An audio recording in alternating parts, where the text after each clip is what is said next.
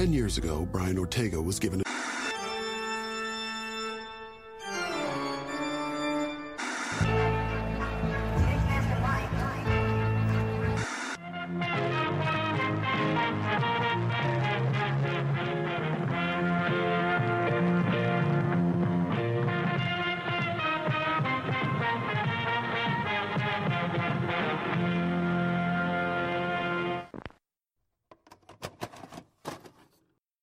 Halo teman-teman, selamat datang lagi di podcast Gadget Indonesia. Gue harus bikin, you know, that's that's my hook right there. Tau gak? Jadi orang-orang tuh hooknya untuk nge-attract orang-orang kayak, wow, what, wait a minute, what is this shit, alright? Now that I've got your attention, uh, gue ingin nge-welcome kalian, oke? Okay? I wanna welcome you guys, uh, siapa pun kalian, oke? Okay? Whoever you are. Lu mau heterosexual, homosexual, transgender, asexual, pansexual, bisexual, whoever you are? Okay? Gue hanya mau beritahu lu kalau this is a gender inclusive environment. Right? Whoever you are, okay, welcome. That's my point. Okay, welcome. Uh, gue hanya ingin me membuat kalian. I just want to make you feel cozy and feel comfortable and feel welcomed. Alright, so welcome, welcome. Kalau kalian belum follow podcast ini, give it a follow, man. It would help me a bunch. Um, but yeah, you know, you know mungkin gue gua mau ngasih kabar ke kalian kalau gue baru ngebikin website kemarin. Uh, nama website gue braikurnia.com. Jadi kalau lu ke browser lu, lu search itu, and you can go there and lu bakal ngeliat kayak gue bakal nge-post personal blogs there. Jadi kalau gue kayak I have some personal thoughts late at night dan gue bakal nulis gitu, you know, I'll probably write there. Kayak gue bakal nulis di sana gitu di di blognya gue. And um, yeah man, go check it out. Gue belum mau publish, kayak gue belum mau kayak ngepromosin banget because ini bener-bener masih di tahap-tahap pertama. Tapi untuk lu yang ngefollow podcast ini, yang mendengarkan omongan-omongan gue, um, you yeah man, kayak you have exclusive access, alright, exclusive access to my uh, dedicated friends and followers. oh man. Anyways, uh, you know, kebanyakan yang kebanyakan orang yang dengerin podcast gue ini tuh dari Indonesia kan demografinya, and mungkin gue mau bilang kalau, you know, I know that uh, situasi di sana is not it's not doing so well, tengah dengan COVID-nya, PSBB baru mau mulai lagi kan, and uh, I wish you guys luck. Um, I wish you guys the best aja kali ya. Gara-gara gue tuh you know ini gue tuh lumayan disconnected aja sama sama situasi covid uh, gitu segala. Gara-gara di Canberra sendiri tuh covid tuh udah it's like udah nggak ada lagi gitu. Tau nggak? Udah udah it's it's finished. It's done. It's it's it's dead. Kayak it's not around anymore. Kayak it's just kayak kita udah nggak mikirin lagi tadi kita semua toko-toko kebanyakan gitu ya kayak 90% of it kayak udah buka. Dan mungkin toko-toko yang enggak buka lagi kebanyakan dari mereka udah bangkrut gitu gara-gara kemarin uh, brutalnya lockdown gitu kan. Tapi you know Indonesia baru mau mulai PSBB lagi. Melbourne sendiri juga lockdown sorry lockdown lagi tadi lockdownnya juga um, diperpanjang lagi kan. So I don't know how that's gonna go and it's really surreal sih. Itu itu aneh banget gara-gara wow kayak orang tua gua kayak like my friends kayak kebanyakan dari teman gua masih ngehadapin virus ini gitu. Dan gue sendiri kayak gue udah nggak mikirin lagi gitu. Gue udah nyantai. But um, you know walaupun gitu satu hal yang gue sadar gitu dari diri gue adalah karena lockdown ini dan mungkin juga karena environment baru ini gue tuh jadi lebih terbiasa untuk menghabiskan lebih banyak waktu di kamar gue sendiri tau nggak gue jadi malas pergi-pergi gue jadi malas um, kalau makan gue jadi kayak lebih sering Uber Eats gue kalau kayak belajar you know I I think I can study at home. Um, benar-benar beda ketika lockdownnya baru mulai gitu. Pas lockdownnya baru mulai gue itu tuh benar-benar merasa kayak fuck. You know? Gue merasa kayak sedih banget lah gue sedih banget gara-gara shit. I thought I can um, gue tuh bisa kayak gue gue mau explore Canberra but now I can't I'm locked down in this one small stupid room. Dan it's gue gue sempat breakdown beberapa kali and it wasn't easy I think.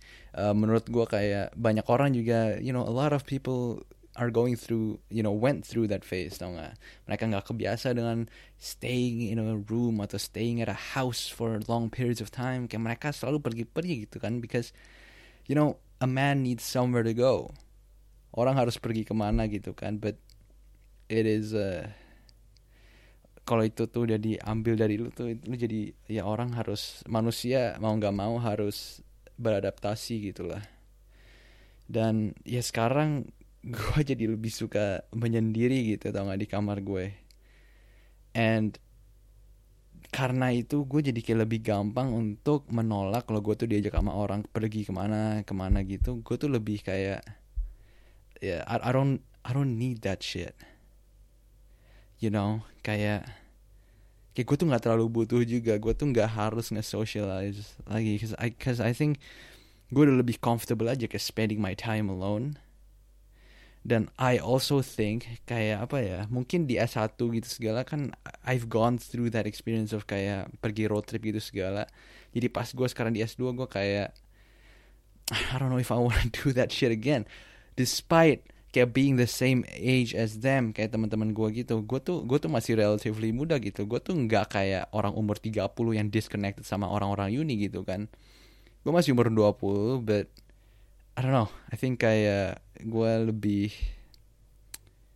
I think gue lebih ngejaga waktu gue aja deh sekarang. Kayak gue sadar kalau ternyata gue tuh I might be more introverted than I thought tau nggak? Gue mungkin lebih introverted gue mungkin lebih suka menyendiri and eh, justru lebih banyak aktivitas kayak banyak aktivitas yang mau gue lakukan gitu. Dan yang gak bisa gue lakukan kalau gue tuh bareng orang-orang lain. Kalau bareng orang-orang lain gue harus kayak ngobrol you know talk smack and all that. But kalau sendiri I can do shit like editing or kayak you know calling people yang emang I actually want to talk to. Or kayak just catch up on my studies yang kayak I need to catch up on. Um, and there's that comfort aja tau nggak listen to music watch movies kayak great movies. Like there's a lot of things you can do dan and I'm I'm I'm I'm eternally grateful. Uh, but despite kayak padahal sebenarnya in the flip side sebenarnya menurut gue itu juga ada bahaya kalau gue tuh bisa addicted sama teknologi dan ngedevelop this over reliance dengan kayak teknologi gitu kan. You know so itu satu hal yang gue lagi pikirin sih. You know dan gue juga lagi mikirin kayak apa gue ini tuh menolak uh, ajakan-ajakan teman-teman gue ini tuh apa gara-gara gue apa gara-gara lockdown itu ngebikin gue lebih uh, anxious bertemu orang-orang lain atau berkenalan dengan orang-orang baru. Atau emang gara-gara gue ya emang gue nggak struck aja atau gue tuh lagi nggak butuh dan emang I don't have to say yes dan kayak sebenarnya aktivitas sendiri itu lebih produktif aja buat gue kayak I feel more I I I'm I'm happier I guess. Um, and I really don't know. Tau nggak? Kayak gue tuh nggak tahu if that's a good thing or a bad thing. Kayak bagus nggak sih sebenarnya kalau if I spend time alone di sini? Um, kira itu tuh satu because I think yeah, learning to be alone itu tuh I think it's great. And akhir-akhir ini tuh I'm learning to be alone. Kayak gue tuh lebih jauh lebih nyaman untuk sendiri dibandingkan pas gue kayak masih S1 gitu tau nggak? S1 gue tuh perlu sama orang lain. So kayak gue sendiri gue tuh gue tuh nggak bisa tadi gue tuh resah banget. Gue tuh harus pergi keluar. Tapi sekarang gue tuh lebih kayak well okay gue bisa baca buku. Gue bisa ini gue bisa itu. Like I'm okay with it. Tapi on the flip side kita, I mean human beings kita semua manusia kan we're social animals right? Kayak is it right? Kayak benerkah kayak gue tuh lebih produktif aja sendirian because I'm also enjoying myself. Gue nggak maksa diri because it's just that gue sekarang lagi enjoy aja gitu. Um, atau mungkin gue harus go out juga gitu.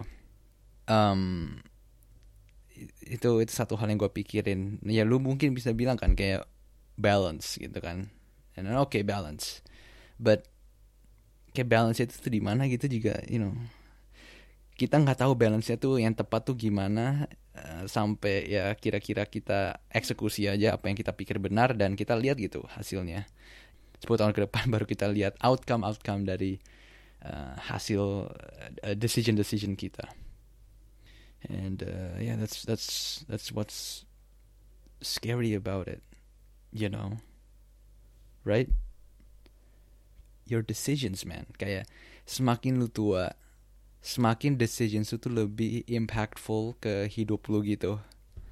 And selain itu juga selain lu harus nge-make selain leverage dari atau power dari decisions decisions yang lu buat itu lebih besar lu sebagai orang manusia you know moving forward in time makin lama makin tua lu juga harus makin lebih ya semakin tua orang-orang akan nge-treat lu sebagai dewasa gitu. Dan satu hal yang dilakukan oleh orang-orang dewasa adalah orang-orang dewasa harus membuat decisions decisions yang uh, yang ya lebih banyak decisions yang dia harus buat gitu. Nggak ada tadi kayak orang tua yang ngedikte kayak oh lu harus ini lu harus itu. Kayak no man. Now you're up you're up kayak you're you're on your own dan selain itu makin lama lagi mungkin lu mulai anak dan lu sekarang harus make decisions for your kids. Um, pas anak kecilnya masih kecil gitu kan kayak apa makanan anak kecil ya? Kayak anak kecilnya mau dididik gimana? Mau diajarin apa? Uh, secara moral mau diajarinnya kayak gimana gitu. Dan itu pun juga benar-benar it's not that simple juga nggak sih? Kayak like ini anak tadi ini hidup seseorang. Banyak orang tuh akhirnya tuh fucked up banget uh, you know pas dewasa gara-gara masa kecilnya gitu. Um, kita mau kasih sayang juga kayak you know it's not the kalau lu terlalu banyak lu terlalu manjain. Tapi kalau lu nggak terlalu sayang dia lu biarin independen dia bakal merasa disconnected gitu. Nggak nggak terlalu ini uh, hubungannya sama orang tuanya. You know this, there's this all this shit. Dan kayak semakin lama semakin lu tua tuh kayak lu mulai rasa tuh pintu ke hidup ini tuh kayak makin lama makin kebuka and it's like freaking like more decisions are like more decisions are there for you to make. Dan kayak semua decisions ini tuh bukan decisions yang trivial because they're fucking huge tau gak kira-kira lama kelamaan mungkin lo harus mulai ngebikin decisions bukan hanya tentang lu tapi tentang orang lain juga. And I don't know man. That shit is just uh, satu hal yang kayak gue lagi pikirin juga gitu sekarang. You know the power of those decisions and kayak fuck man. Kayak you would think kayak mak kayak sekolah tuh udah susah gitu. Nah, kuliah udah susah kan? Lu lu mungkin kayak lu mungkin pikir kayak anjir ujian gue susah gini segala pelajaran udah susah tapi kayak like gue sekarang lagi mikir kayak mungkin sebenarnya hidup tuh makin lama kayak makin susah tadi kayak nggak bukannya makin gampang. And I gue tau gue kedengeran kayak pesimis atau gimana but uh, you know uh, on the flip side though kayak kita bakal memiliki lebih banyak kebebasan atau lebih banyak um, freedom. You know?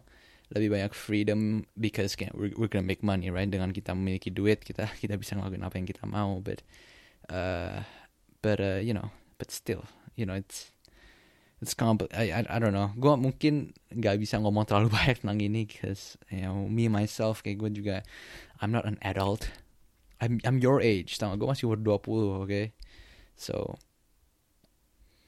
freedom right orang-orang kebanyakan pengen kebebasan. Lu pengen kebebasan gak coba gue tanya? I mean, kemungkinan lu bakal jawab, yeah, it really depends. Ke kebebasan dalam apa? Atau lu bisa bilang kayak, yeah, of course I want freedom. Everyone wants freedom, oke? Okay? Lu, lu, lu, lu kasih freedom ke orang yang di penjara, they wanna be free. Um, tapi kayak with freedom kayak lu juga harus mulai ngedecide gak sih kayak apa yang akan lu lakukan dengan freedomnya itu. Uh, kalau lu nggak menemukan aktivitas-aktivitas yang lu tahu bisa membuat lu lebih engage dengan hidup ini atau lebih senang kayak lu tuh bakal lu bakal kayak nggak tahu mau ngapain dan lu bakal banyak bosen gitu segala kan you know and itu sendiri juga I think it's not obvious kalau freedom tuh baik gitu like banyak orang tuh kayak lu pernah nonton film Shawshank Redemption gak sih? Kayak di film Shawshank Redemption kayak kebanyakan orang kalau udah di penjara justru sebenarnya kalau udah terlalu lama di penjara mereka justru nggak mau tau ya sama freedom atau kebebasan. You know, I think orang tuh udah di habit dalam mereka harus melakukan sesuatu. Dan kalau mereka dikasih free time itu, itu memaksa mereka untuk kayak belajar lebih banyak tentang dirinya sendiri dan kayak ada rasa kebosanan itu dan di I mean, di di hari gini gitu ya kayak kebosanan itu tuh itu satu hal yang udah kita nggak ngerasain lagi because of social media. And mungkin kenapa gue mulai ngomongin tentang kebebasan itu itu tuh sebagai bridging ke topik kayak gue mau ngomongin tentang kebosanan, nggak? Rasa bosen, which is very interesting. Dan ini tuh satu hal yang gue lagi come across juga akhir-akhir ini gitu di hidup gue dan mungkin gue mau sharing di kita ya uh, tentang tentang kebosanan, you know. Dan mungkin satu hal yang gue udah pelajarin dari dari rasa bosen ini. Um, jadi kemarin gue tuh sempet non gue tuh sempet uh, nonton film-film Monty Python. Tau gak gue gue sempet nge binge watch film-film Monty Python. Uh, Monty Python and the Holy Grail Monty Python and the Life of Brian sama um, The Meaning of Life juga tau gak you know great movies. Yang Meaning of Life actually gue cuman gue cuman nge re-listen lagunya di dalam filmnya yang judulnya Every Sperm is Sacred. Uh, I encourage you to watch that. Um, So anyways, salah satu aktor dari kru Monty Python ini namanya John Cleese, who is a funny man. Dia udah umur 70-an lebih sekarang, you know, because Monty Python tuh ini satu satu film atau satu British comedy group yang udah dulu lah, udah lama lah, udah udah tahun 60-an, 70-an gitu lah pokoknya mereka. And si John Cleese ini tuh kemarin mengadakan kayak webinar talk gitu bersama Judd Apatow. Judd Apatow ini tuh dia dia dia nggak bikin film-film kayak Super Bad yang ada Jonah Hill gitu-gitu segala, you know, The 40 Year Old Virgin dan lain-lain. Jadi mereka berdua ngobrol tentang topiknya creativity. And di satu poin di podcastnya, eh di podcast sih lagi, di, di webinarnya itu, si John Cleese si John Cleese mulai berbicara tentang you know ini kita ini tuh webinar itu mau mempromosikan bukunya si John Cleese tentang kreativitas kan. Uh, si John Cleese bilang emang satu hal yang crucial adalah lu tuh harus menyediakan waktu di mana lu tuh bebas tanpa obligasi dan tanpa restriksi di mana pikiran lu tuh bisa bebas nge-wander ke mana-mana dan berpikir dan just be creative dan dengan menyediakan environment seperti itu, otak bagian otak yang akan mulai aktif adalah bagian otak kanan lu yang lebih kreatif, yang lebih rasakan makna hidup dan kayak yang lain-lain. Uh, gua I don't really know specifically tapi itu basically the point. Pokoknya bagian otot otot lagi. Otak kanannya itu tuh lebih kreatif. Otak kirinya biasa tuh yang aktif kalau misalnya lu lagi mengerjakan kayak tugas atau yang task gitu-gitu segala. You know it's very restrictive. Kayak lu harus you get things done. Lu, lu lebih kayak robot gitu. But the right side itu lebih kreatif. Itu lebih lu merasa lebih human pokoknya. Lebih menjadi manusia gitu. Um, so anyways uh, dia ngomong gitu dan di, dan dari sana juga kayak dia bilang dengan lu udah menyediakan environment seperti itu sekarang lu harus nulis atau sekarang lu harus mikir gitu. Dan dengan mikir lu harus fokus ke well your ideas right? Ide-ide yang lu dapat dan dari ide-ide itu lu eh, shortlist jadi beberapa ide yang lu suka mungkin kan? Dan karena karena lu udah menyediakan waktu yang lumayan panjang itu di mana lu tuh nggak ada deadline atau nggak ada apa dan lu bisa berkreatif gitu pasti ada rasa kebosanan dan karena pasti ada rasa kebosanan itu yang sebenarnya itu tuh ngebikin banyak orang bakal stop atau bakal quit gitu. Si John Cleese encourage kalau kayak dude kebosanan ini tuh boredom is required to be creative. Uh, usually dia suggest kalau sebenarnya lu tuh kalau bosen gini kayak itu sebenarnya bisa ngebant apa ya boredom ini itu tuh walaupun lu tuh kayaknya nggak dapat ide nggak dapat apa tapi sebenarnya your unconscious tuh bakal mulai bekerja sendiri gitu. Dan dan dan dan dan lu tunggu gitu seberapa waktu lagi dan akhirnya lu bakal dapat ide. Dan setelah lu dapat ide dan ide itu bakal bagus atau enggak kayak it's you you need to get get through that. You need to get through boredom. And dari boredom itu tuh banyak hal bisa tercipta gitu. Ide-ide bakal datang kalau misalnya hanya otak otak eh otak otak kiri lu yang aktif ide-ide itu tuh nggak bisa datang gara-gara lu tuh locked into the task. Tapi lu harus bosen lu harus ada di state yang bebas um, otak lu dari apa pun pikirannya biar ide-ide itu bisa datang dan lu akhirnya bisa kreatif dan itu satu hal yang gue akhirnya kayak kemarin gue sempet merasa banyak kali boredom dan salah satu uh, inclination atau habit yang udah gue develop adalah kalau gue bosen gue bakal nge-reach out to my phone and I'm gonna check my Instagram and all that stuff, right? Um, or social media or WhatsApp or whatever. Gue sekarang I try to not do that. Dan mungkin gue tuh mulai ke nge-embrace kayak rasa boredomnya and kayak see what happens. And um, coba mungkin gue gue kayak mulai nulis gitu tau gak sekarang.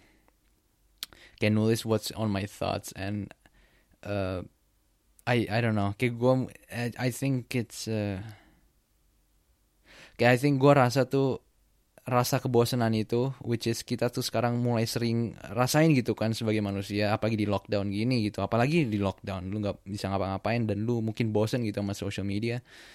Um, mungkin lu bisa coba nge-embrace atau coba berada di dalam state of boredom itu atau enggak ya, you know? Uh, dan di rasa kebosanan itu mungkin sesuatu bisa ada di bisa muncul gitu di pikiran lo you know an idea or something else. And um, yeah you know who knows kan? Who knows? Kayak lu mungkin bisa mulai kepikiran tentang apa yang uh, satu solusi ke masalah lu atau apa pun itu kayak ide untuk melakukan sesuatu kayak who knows? And mungkin ide-ide itu juga bisa bukan hanya membantu lu tapi membantu orang lain juga di sekitar lu. Um so yeah I think uh, I think itu dulu. Gue gue sebenarnya pikir gue tuh mau nge-addin one extra thing selain apa yang gue udah ngomongin hari ini kayak kayak gue tuh sekarang mau coba olahraga cuman gue mau coba pull up pull up bar gue di di luar di di back kayak apa ya kayak di kayak di quad kayak di ovalnya hallnya gue ini itu tuh biasa ada pull up bar di mana gue ke sana untuk pull up pull up dikit gara-gara gue tuh udah gak olahraga gitu kan sekarang. Gue kadang-kadang iseng paling kayak kalau gue udah bosen banget di kamar gue bakal keluar gue bakal pull up pull up kayak berapa 15 20 kali and then come back in. Sekalian dapet fresh air. Tapi now I can't gara-gara um, burung-burung magpie tau gak sekarang sekarang lagi musimnya burung magpie dan burung magpie ini tuh kayak ngejagain pull up bar gitu anjir. Dan gue ingat sekali satu hari gue tuh kayak nge-pull up gitu dan si burung magpie-nya itu tuh kayak ngejagain kayak di tiang pull up atasnya itu tuh. Jadi gue tuh pull up pas gue kayak ngeliat ke kiri kayak anjing ada burung magpie dari di sana. Dia kayak duduk dia kayak berdiri di sana gitu. Kayak seakan-akan dia tuh ngejaga teritori dia atau apa tadi dan gue kayak mulai takut lanjut kayak what the fuck man? Uh, so I got back in dan hari besoknya gue mulai datang lagi pagi sebelum gue mau pergi makan breakfast ke cafe gitu kan gue ngelewatin akhirnya gue baru gue belum sampai pull up bar loh. Gue cuma ngedeketin pull up barnya tiba-tiba burung magpie-nya terbang dari pohon langsung ngejagain pull up barnya itu. And I'm like what the shit? Um you know it's just it's interesting these magpies and I don't know, gue cuma rasa kayak I just needed to add that little extra detail into this uh, podcast gara-gara uh, itu satu hal yang gue experience gitu di minggu ini. And um, yeah that's it for today's podcast. Um, kalau misalnya ada uh, kalau misalnya lu mau ngecek website gue, lu bisa cek website itu. Lu coba apa, you know, it will be great kalau lu nge-subscribe to my channel, uh, nge-follow podcast ini, and my maybe follow my Instagram uh, di Genzet Indonesia. And uh, ya lah, um, you know, I really appreciate you listening to this and. Uh, stay safe uh, di masa apa pun masalah lu yang lu sekarang sedang hadapin gue harap lu bisa uh, overcome it and I believe that you can. Uh, I, I really do uh, despite how shitty uh, the conditions are. Um, so thank you and I will see you guys in the next podcast